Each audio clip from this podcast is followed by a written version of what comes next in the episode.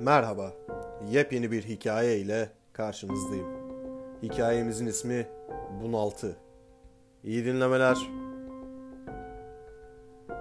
Soğuk bir sonbahar günüydü. Kazak hatta ceket giymeye başlanmıştı.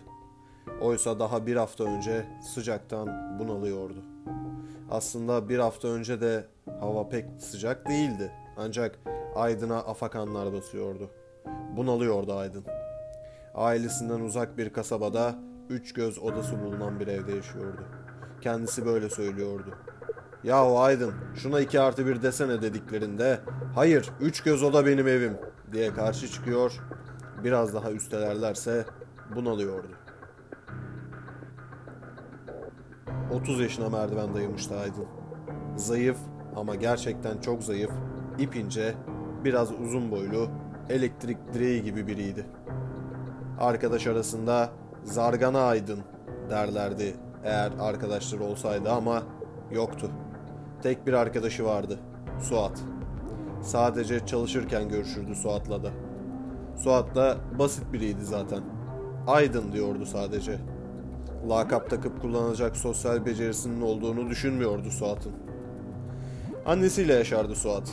Bazı sabahlar ki çok seyrek zamanlardı bunlar, annesi kahvaltıda pekmez içirirdi Suat'a. O günler biraz daha enerjik, nispeten eğlenceli ve sakar olurdu. Sabah Aydın'ı gördüğünde gün aydın diye sadece kendisinin güldüğü, başka kimsenin pek de bir anlam yükleyemediği şakasını yapardı. Alışmıştı bu duruma Aydın. Suat'ın esprilerinde zerre zeka pırıltısı göstermesini beklemiyordu zaten. Hatta espri yapmaya çalışması bile fena bir gelişme değil diye düşünürdü. Aynı iş yerinde çalışıyorlar ancak farklı işler yapıyorlardı. İkisi de merdiven altı bir call center'da çalışıyor, var olup olmadıklarını bildikleri ürünleri telefon ile satmaya çalışıyorlardı.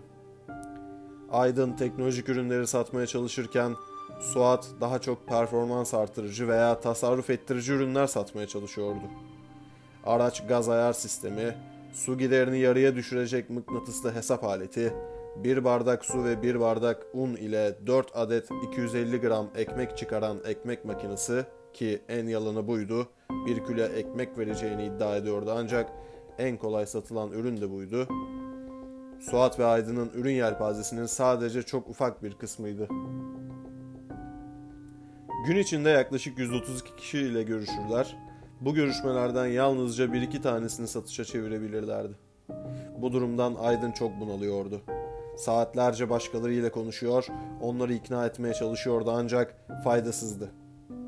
Daha kendini ikna edemiyordu ki bu ürünler için. Başkasını nasıl ikna edebilsindi? Suat ise öyle değildi. Her satıştan sonra Yuhuu! Patlattım bir tane daha Aydın diye seviniyor. Satış yapamadığı günleri normal, yaptığı günleri olağan dışı sayıyordu. Aslında mutlu olmak Suat'ın yaptığı kadar kolay olabilirdi. Tabi Suat'ın bunu mutlu olmak için mi yoksa zeka geriliğinden dolayı mı yaptığını kestirmek güçtü. Mesai bitimlerinden sonra asla kimseyle görüşmez, Suat dahil kimseyi dışarıda görmez, hızlıca evine giderdi Aydın. Ne varsa o evde de çok çok az dışarı çıkardı. Zaten görüşecek insanı da yoktu. Bahsetmiştim. Bir tek arkadaşı, bir tek gerçek arkadaşı Suat'tı. Suat da sosyal ortamda beraber görünmek isteyeceğiniz biri değildi.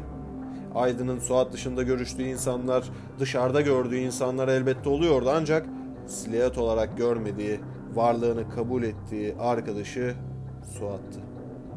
Diğerleri Aydın'ı bunaltıyordu.